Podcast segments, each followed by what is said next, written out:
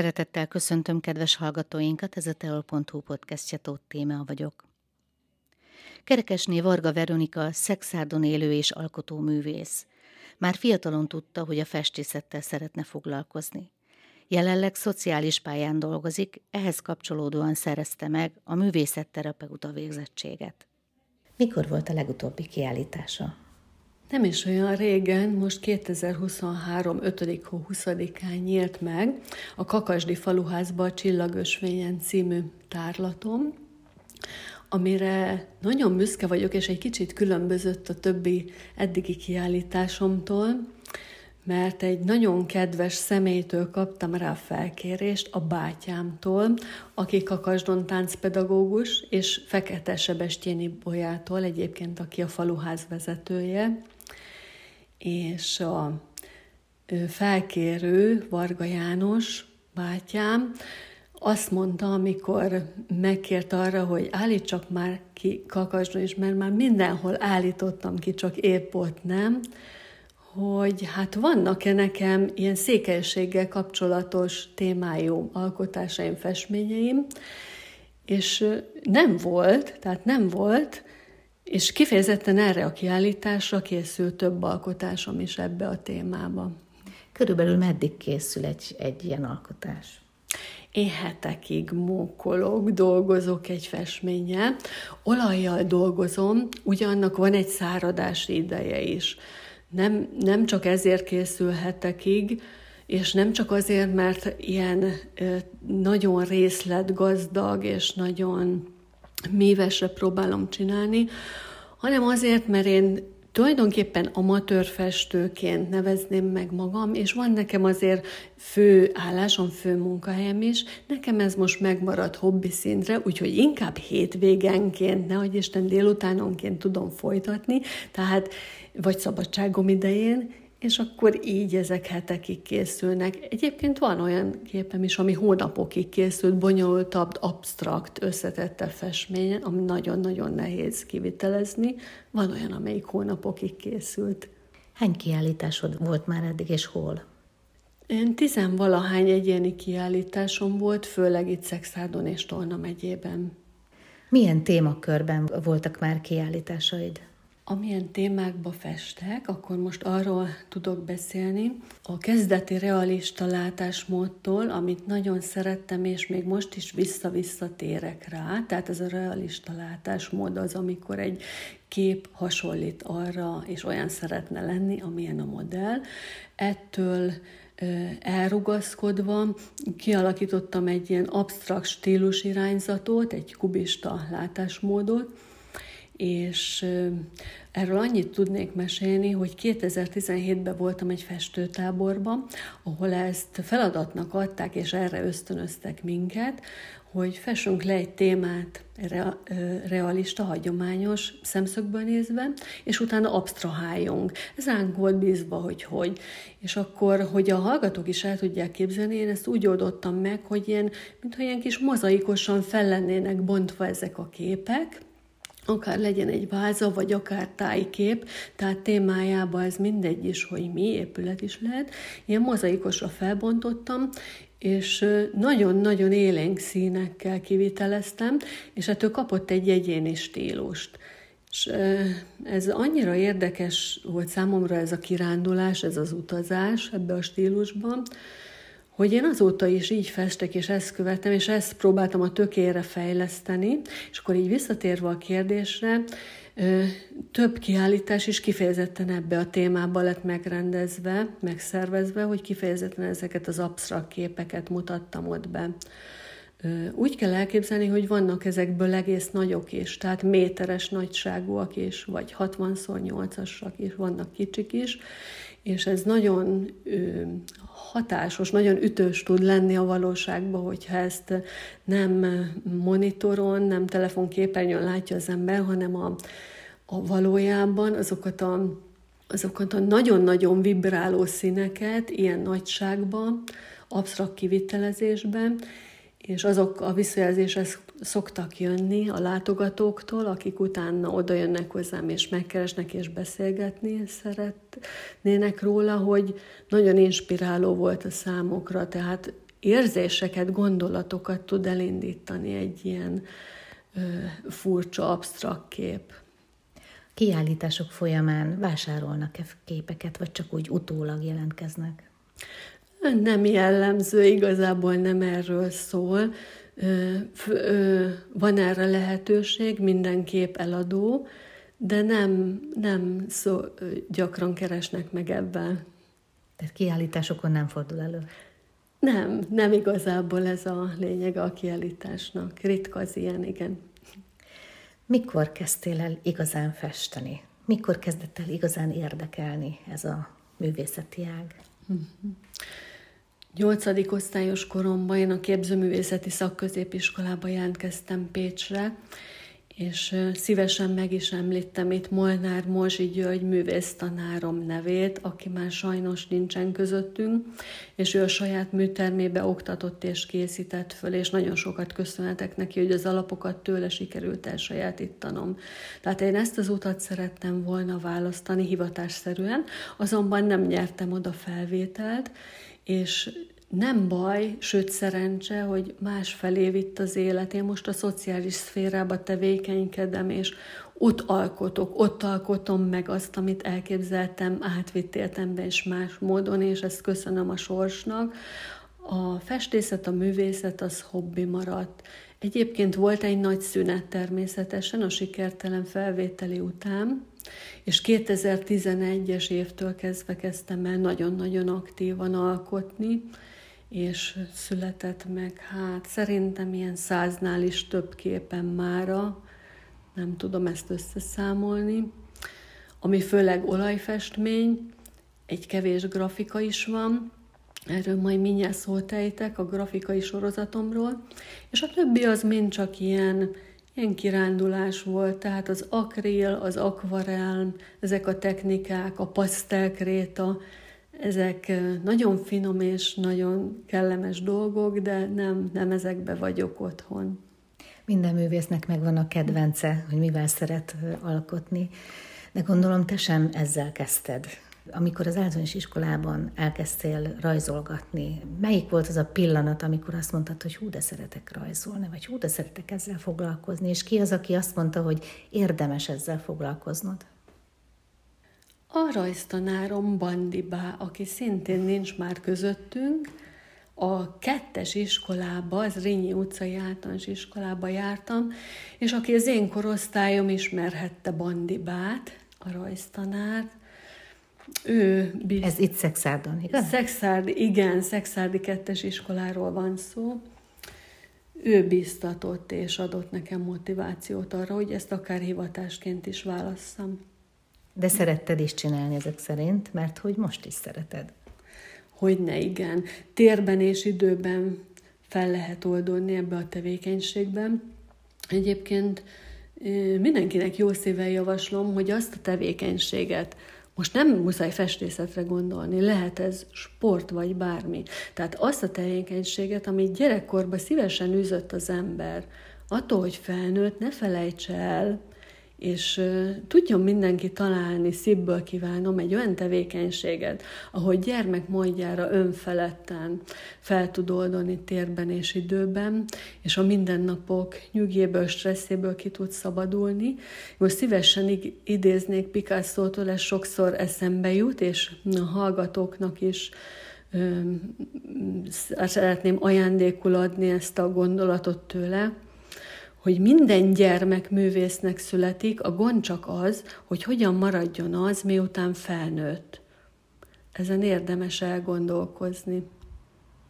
Tehát ha szerettem régen legózni, akkor legózzak most is. Hú, igen, ez a lényege, igen, bizony homokvárat építeni, bármit. Egyébként Jung, aki hát nem csak hogy híres pszichológus, de nekem példaképem is, és én képzett művészetterapeutaként a jungi pszichoanalitikus elméletre alapozva végzem a művészetterapeutai munkámat. Tehát Jung felnőtt, sőt idős korára tudatosan visszatért ezekhez a gyermekkori tevékenységekhez, pontosan a homokvár építéséhez és a kavicsok egymásra rakosgatásához. De nem muszáj ennyire ilyen gyermekes tevékenységbe gondolni. Valóban, aki szeretett sportolni, sportoljon, aki szeretett énekelni, szeretett színdarabba részt venni. Én merem rá biztatni, hogy igenis, hogy felnőtt korban is szabad ezekkel is kell foglalkozni. Amikor festesz, akkor átszellemülsz egy kicsit, másra gondolsz, kikapcsolsz? Igen, és a saját kikapcsolódásomat segítem is avval, hogy olyan zenékre festek, ami, ami engem inspirál. Elmegyek odáig, hogy a képeimnek is ezekből a zeneszámokból adok címet. A Szexárdi I. Gyula megyei könyvtárba volt novemberben egy tárlatom, ahol szerencsém volt bemutatni az absztrakt képeimet, és figurális, és mindenfélét, és a grafikai sorozatomat is, mészői témába, és ott láthatták is az emberek, hogy vannak olyan képeim, ami a vágtázó halott kémek sorai volt a cím, az egyiknek például az a címe, hogy a mindenség előlép. Ez, ezen olyan alakzatok vannak, ami ilyen tulipánhoz hasonló, ami egy labirintusba van elrejtve, de bele lehet képzelni az űrt is. Szívesen hallgatok még Rammsteint, és ezekből kölcsönvett idézeteket is adtam már a képeknek, címnek, de egyébként a, a Sziámi, a Pál utcai fiúk és a többi magyar alternatív zene segít. Van-e most valami téma a fejedben, amire arra gondolsz, hogy na, ezt most le fogom festeni? Igen, már fel is vázoltam, és már témaként, témagyűjtés, címszólatfotókat is készítettem. A mi szexádi remetekápolnánk udvarába található évfája jelölt szexádi berkenyéről, ezt feltétlenül kötelességemnek érzem megfesteni, illetve hát már meg is festettem, mert én lokálpatriótaként szívesen és többször is lefestettem már a Szexádi Remete kápolnát és Szexád más templomait is, és ott az udvaron látható ez az öreg 150 éves fa.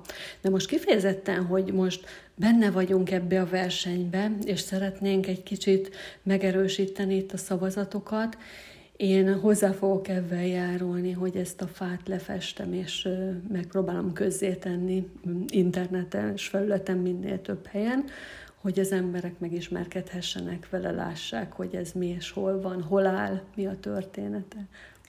Egyébként van kedvenc témád, amit szeretsz lefesteni? Emberek, vagy éppen az abstrakt, vagy tájképek?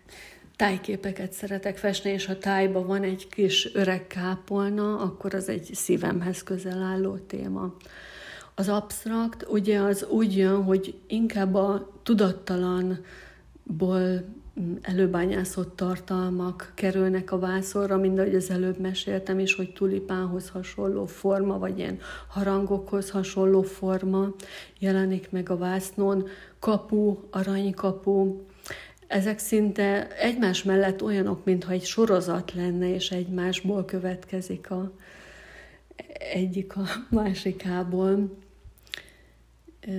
Az ős magyar kultúrához kapcsolódó szimbólumok, mind a sólyom, is szívesen festett témáim közé tartozik.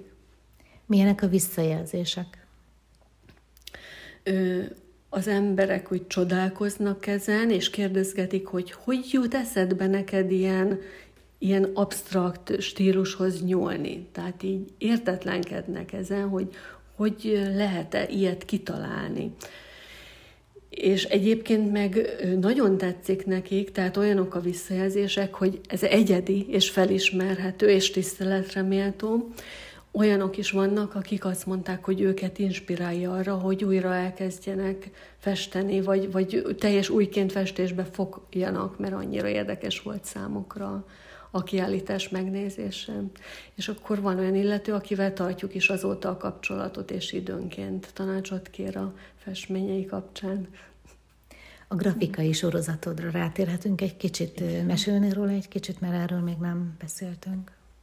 A Mészői emlékévhez kapcsolódóan festettem meg egy tíz képből álló sorozatot, ezek versekhez, tehát Mészőinek a lírájához kapcsolódnak, ezek a lírák pedig szexádról szólnak. Tehát nem volt nehéz nekem ráhangolódni, és olyan volt, mintha csak együtt sétáltunk volna a szurdikokban, és ezeket kellett nekem ábrázolni. És ez azért volt egy kicsit érdekes, mert Mészőinek ugye a prózáit ismeri a közönség, illetve eleve mészőt nem is övezi olyan kultusz, mint Babicsot, tehát így a szexárdiak, meg a mészői egyesület rengeteget tesz azért, hogy, hogy a mészőinek a munkássága elismert legyen, megismert legyen, és ez jól is sikerül egyébként, szerintem ez egy nagyon szép munka van már mögötte. De a lírák azok kicsit olyan elfeledettek, kicsit olyan nincsenek szem előtt. És én nagyon örültem, hogy erre felhívhatom az emberek figyelmét, hogy a mészőinek bizony ilyen nagyszerű lírái vannak, és képekkel érdekesebbé tudtam tenni. Tehát kiválasztasz egy mészőművet, és annak a témáját rajzoltad le? Így van, igen, tustollal, papírra, és ezek kiállításra kerültek a hm, Ziyes Gyula megyei könyvtárba, és elég sokáig láthatóak voltak a közönségnek, de egyébként online formában a Facebook oldalamon is rá lehet keresni, vagy ki hogy talál Tehát ezek nyilvánosak, és én annak örülök, hogyha minden emberhez eljut. Megjelennek a képeken néha ezek az aranyozási technikák. Ez hogy működik? Ez újra divat lett, megfigyelem mű, külföldi oldalakon a művészeknél, hogy akár az absztrakt képekbe is belecsempészik az aranyfüst technikát. Egyébként hagyományosan a régi ikonokon alkalmazták az aranyfüstöt. Én is egy ikonfestő táborban Mária Polcson sajátítottam el ennek a csényát, bínyát. Nagyon nehéz, tehát türelmet és időt igénylő tevékenység, de megéri. Tehát olyan belső fényt, olyan földön túli kisugárzást kölcsönöz a képeknek, ami miatt érdemes a modern képeken is alkalmazni. Van például egy ilyen kerecseny solymot ábrázoló képem, aminek az a címe, hogy repincs bennünket szerencsehozó fénymadár. Ennek a hátterét is aranyfüst technikával készítettem el, és szerintem semmihez nem hasonlítható élmény látni azt a képet, és nem is összehasonlítható avval, mint hogyha csak egy égboltot felhőkkel ábrázoltam volna mögötte. Van-e olyan technika, amit még nem próbáltál ki, és tervezett, hogy kipróbálod? Igen, a linómetszés az, amit be csak egy kicsit belekóstoltam, és én úgy érzem, hogy azt szívesen megtanulnám professzionális szinten. Az egy érdekes kihívás lehet számomra, és mm, gondolkoztam rajta, hogy elmegyek egy ilyen linómetsző táborba, ahol mondjuk napokig lehet elmélyíteni ezt a tudást, és akkor ezt is tudnám alkalmazni. Ez nyilván külön felszerelést kell vásárolni. E, az eszközök beszerzése egyébként, ez be kell valljam, hogy ez egy drága hobbi, tehát ezt én a fizetésemből finanszírozom, Muszáj megemlíteni, hogy időnként a Szexárd város önkormányzata is anyagilag támogat engem, mint szexárdi művészt. Minden évben tudok venni mm, festékeket és felszerelést abból a gesztus értékű összegből, amit az önkormányzat ad, és ezúton szeretném ezt megköszönni. Van-e valami művészi társaság, ahova beletartozol, tehát itt Szexárdon? A Bárka Művészeti Szalon tagja vagyok 2012 óta, és velük is állítottam ki csoportos kiállításokon már számtalanszor.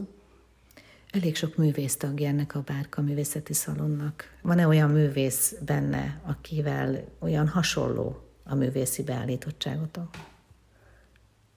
Nincsen, nincsen.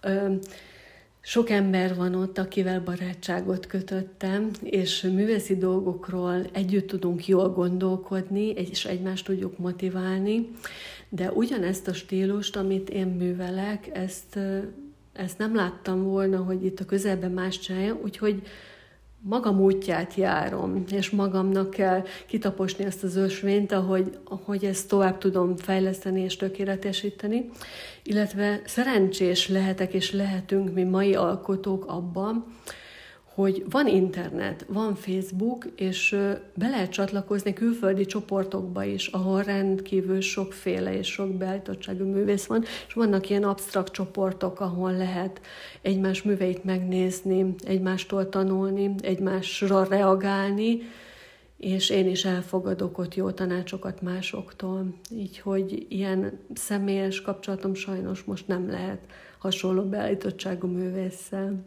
Szoktak lenni művésztáborok, amiken részt veszel? Igen, előző években mindig jártam, de most az idei évben ez elmaradt más családi elfoglaltságok miatt.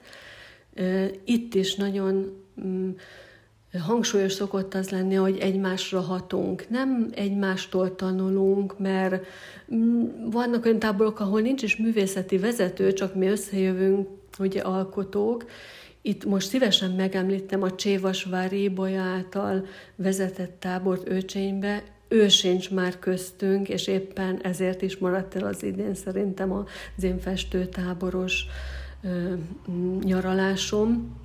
Tehát ott is úgy jöttünk össze művészek mindig, hogy, hogy mindenki alkotott ott egymás mellett, de mégis egymásra hatva, és ezek nagyon felemelőek szoktak lenni.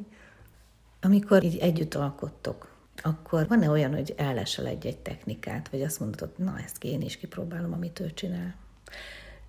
Így van, ilyen volt ez az absztrahálás dolog, hát nem is a technika, de maga egy, egy máshogy gondolkozás, tehát fejlődés a saját művészetbe, egy máshogy hozzáállás a dolgok ábrázolásához. Tehát tovább kell lépni, az ö, nagyon klassz dolog, és én biztatok is mindenkit arra, hogy igen, gyakorolja a hagyományos festészeti stílust, és sokszor rajzoljon csendéleteket, vázákat és tájképeket, minél élethűbben, de hogy egyszer muszáj ezen tovább lépni és fejlődni saját magához képest az embernek, és valahogy egy ilyen ugrásra van szüksége. Nem muszáj mindenki absztrakt művész legyen, és ne is legyen az, de saját magához képest kell egy valami változás, hogy húsz év múlva, és ne ugyanazon a szinten tartson, ahol elkezdte. Emberábrázoló festményeid vannak? Igen, vannak. Ö, ö, legutóbb például Mészői portréját is megfestettem, többféle fajta módon és stílusban, és ez büszkén mondom most, hogy az egyik ilyen mészői portré, az bekerült az Ilyes Gyula megyei könyvtárnak az állandó gyűjteményébe.